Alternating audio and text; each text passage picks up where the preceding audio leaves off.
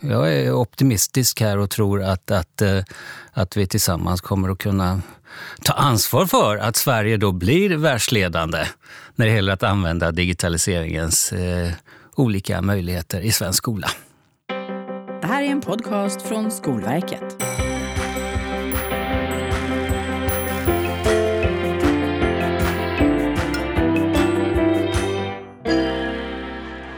Hej och välkommen till den här podcasten från Skolverket.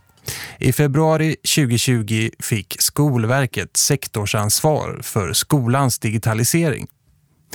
Men Skolverket har ju länge jobbat med olika frågor kopplat till digitaliseringen av skolan. Så vad är nytt egentligen?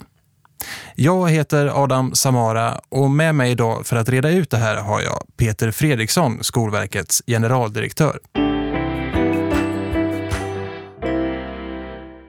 Hej Peter. Hej Adam. Ja, sektorsansvarig myndighet, vad innebär det egentligen? Ja, jag hoppas kunna förklara, men jag skulle vilja börja i en annan ände och, och börja i den politiska viljan.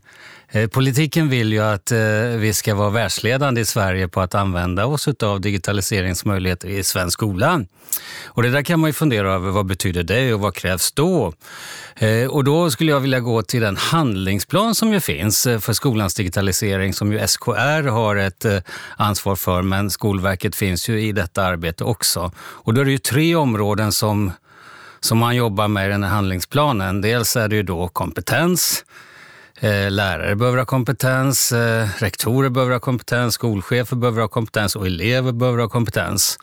Dels är det ju då tillgång till digitala hjälpmedel och läromedel och dels är det ju då forskning skolan ska ju inte ägna sig åt någon eh, experimentell verksamhet utan utbildning ska ju vila på vetenskap och beprövad erfarenhet och då måste vi också ha forskning som talar oss, om för oss hur vi då på bästa sätt kan använda oss av digitaliseringens möjligheter och bli världsledande utifrån det.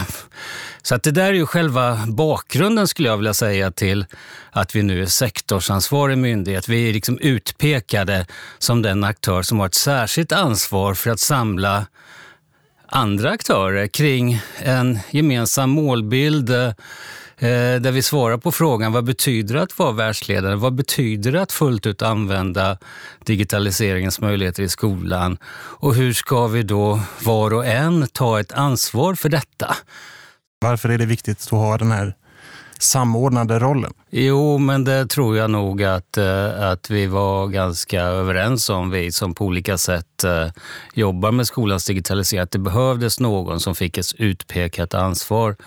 Samverkan är bra, samarbete är bra, men för att resultatet ska bli bra så behövs det ju inte sällan då någon form av rollfördelning. Det, finns, det behövs någon som leder själva arbetet. Eh, det är många kockar som ska vara den här Eh, soppan. Eh, men det behöver vara någon kock som ytterst bestämmer vad det ska vara för ingredienser för att den där soppan ska smaka bra. Så att jag bedömer att det var helt nödvändigt att, att från politikens sida peka ut en särskild aktör då, som har ett ansvar.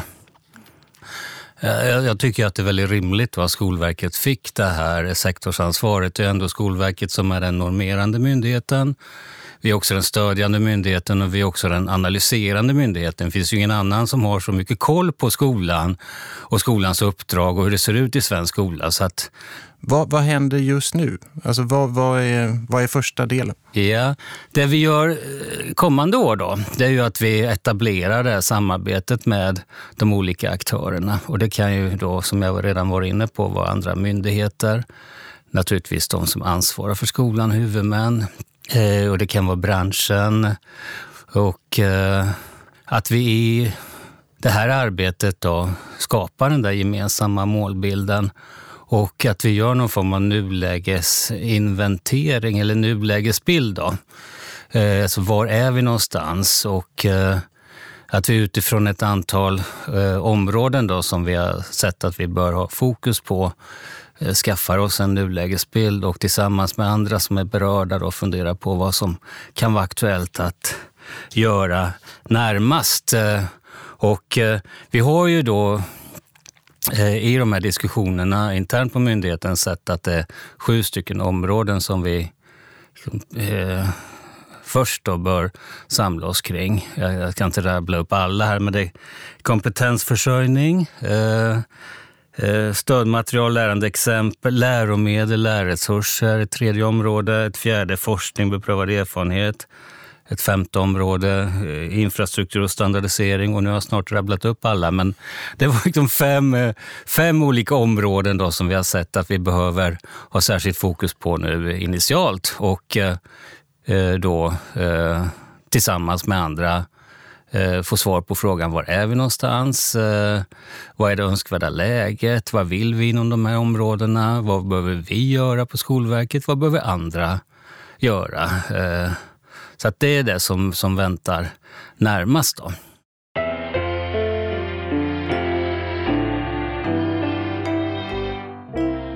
Har man identifierat några stora utmaningar liksom, för, att, för att uppnå det här som du inledde med att berätta om, att bli världsledande? Jo, men det finns ju. Skolverket har ju under flera år följt upp eh, hur det ser ut i svensk skola vad gäller kompetens och vad gäller tillgång till eh, digitala hjälpmedel. Och eh, som alltid så är det stor variation. Det är ju så i svensk skola att det finns eh, huvudmän, det finns skolor som är väldigt långt eh, framme. De har både kompetensen och de har eh, alla hjälpmedel på plats och använder också digitaliseringens möjligheter för att, stärka kvaliteten i undervisningen eller ge kanske elever då det stödet som de kan behöva för att lyckas i skolan. Men vi har ju också då skolor och huvudmän som inte är så långt komna. Det där är ju en utmaning. Utifrån ett likvärdighetsperspektiv så vill vi ju gärna att alla huvudmän och alla skolor ska ha någon form av likvärdig nivå vad gäller kompetens och tillgång på digitala hjälpmedel. Sen en annan jättestor utmaning det är ju liksom sånt som handlar om teknik och standardisering. Eh, jag nämnde inte det inledningsvis, men vi har ju ett ansvar att ta fram digitala nationella prov. Och det låter ju som en enkel match. Eh, och det är nog inte jättesvårt att ta fram digitala nationella prov. Men det är svårt att genomföra digitala nationella prov för det förutsätter ju just att skolorna har tillgång till rätt digitala hjälpmedel. Och det förutsätter också att man kan logga in och få tillgång till prov. Eh, och det där är en utmaning har vi ju sett på Skolverket. Så att det här arbetet rymmer eh, ett antal utmaningar. Men jag tror att vi har ganska bra koll ändå på eh, hur det ser ut i svensk skola och jag tror att vi har ganska bra koll på hur det borde se ut. Men sen är det som sagt var väldigt många som behöver eh, ta ansvar för att göra sitt om det ska i slutändan bli då likvärdigt och bra. Vi har varit inne på olika utmaningar. Alltså dels att eh, det ser, att det ser olika ut eh, för olika skolor, olika huvudmän. Men förutsatt att man, att man lyckas eh, alltså överbrygga de skillnaderna och att man börjar närma sig det här målet om att bli världsledande inom digitalisering i svensk skola. Alltså vad, varför är det bra? Vad är förtjänsterna med det? Vad, är, vad, är, vad ser du som någon form av målsättning här? Liksom? Ja, alltså, jag tror att det är viktigt att komma ihåg att, att eh, det finns ju mål för själva digitaliseringen. Alltså det helt överordnande i skolans arbete det är ju att bedriva en undervisning som gör att eleverna når målen och att eleverna får med sig de där kunskaperna, de där färdigheterna, de där värderingarna som är så bra formulerade i, i läroplaner och kursplaner. Och då eh, är ju digitalisering och digitala hjälpmedel ett medel för att eh, få en eh, kvalitet i undervisningen som gör att, att eh, lärare och elever kan, kan, kan jobba med, med sitt ämne och med, med målen på ett bra sätt. Jag tror också att man ska se digitala hjälpmedel som ett redskap, ett medel också för elever i behov av stöd. Också naturligtvis för intern och extern kommunikation. Men så finns ju en annan mer vad ska man kalla det, demokratisk eh, ingång i det här. Det är ju så att de här eleverna en gång kommer att lämna skolan och eh, då behöver de ju kunskap om, om, om eh, digitala hjälpmedel. De behöver veta hur man ska kunna använda dem på en arbetsplats eller som medborgare. De behöver ha ett kritiskt perspektiv till digitala hjälpmedel. De behöver ha reflekterat över hur digitaliseringen påverkar både enskilda människor och samhället i stort. Så att det, där, det där är också viktigt att komma ihåg att, att, att vi lever i en tid då, då, då liksom digitaliseringen är en självklar del i, i människors vardag, på arbetsmarknad och eh, då finns ju ett demokratiskt eh, perspektiv att anlägga här. Skolverket. Peter, du, du nämnde inledningsvis att, att vi har ju ett vi har ju flera uppdrag kopplat till digitaliseringen med att vi ska vara bland annat stöttande gentemot skolan. Och om man blickar fram nu, alltså vad, vad kommer det här innebär alltså för, för de som jobbar i skolan, för eleverna? Vad kan man förvänta sig? Ja, jag har ju pratat om olika aktörer. Jag har kanske inte pratat så mycket om lärare och, och, rektorer, de som gör ansvar för vad som händer i skolan och vad som händer i klassrum.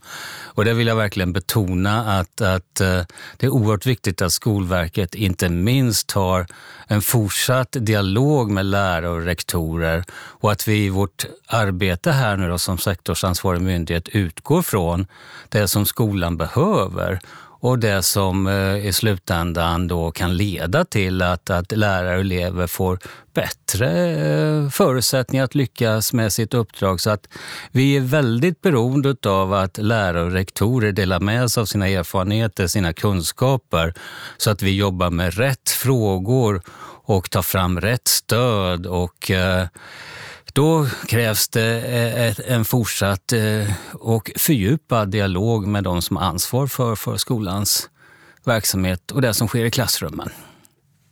Men avslutningsvis då, om vi blickar framåt, vad, vad, vad ser du framför dig att, eh, att, det kommer, att det kommer innebära nu då att Skolverket har fått det här sektorsansvaret? Ja, jag tycker att det är lite spännande faktiskt att se vad vi kan åstadkomma nu utifrån det ansvar vi har. Och jag är ju ganska övertygad om att de där andra aktörerna som vi ska samarbeta med, de är också redo att tillsammans med oss eh, göra det där som krävs för att eh, för att eh, digitaliseringen ska kunna eh, användas fullt ut eh, i skolan så att det stödjer kvaliteten i undervisningen och elever på olika sätt. Så att jag, är, jag är optimistisk här och tror att, att, att vi tillsammans kommer att kunna ta ansvar för att Sverige då blir världsledande när det gäller att använda digitaliseringens olika möjligheter i svensk skola.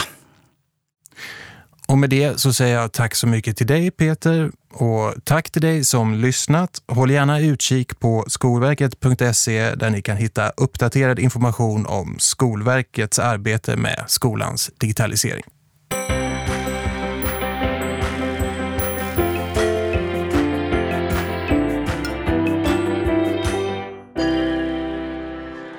Det här var en podcast från Skolverket.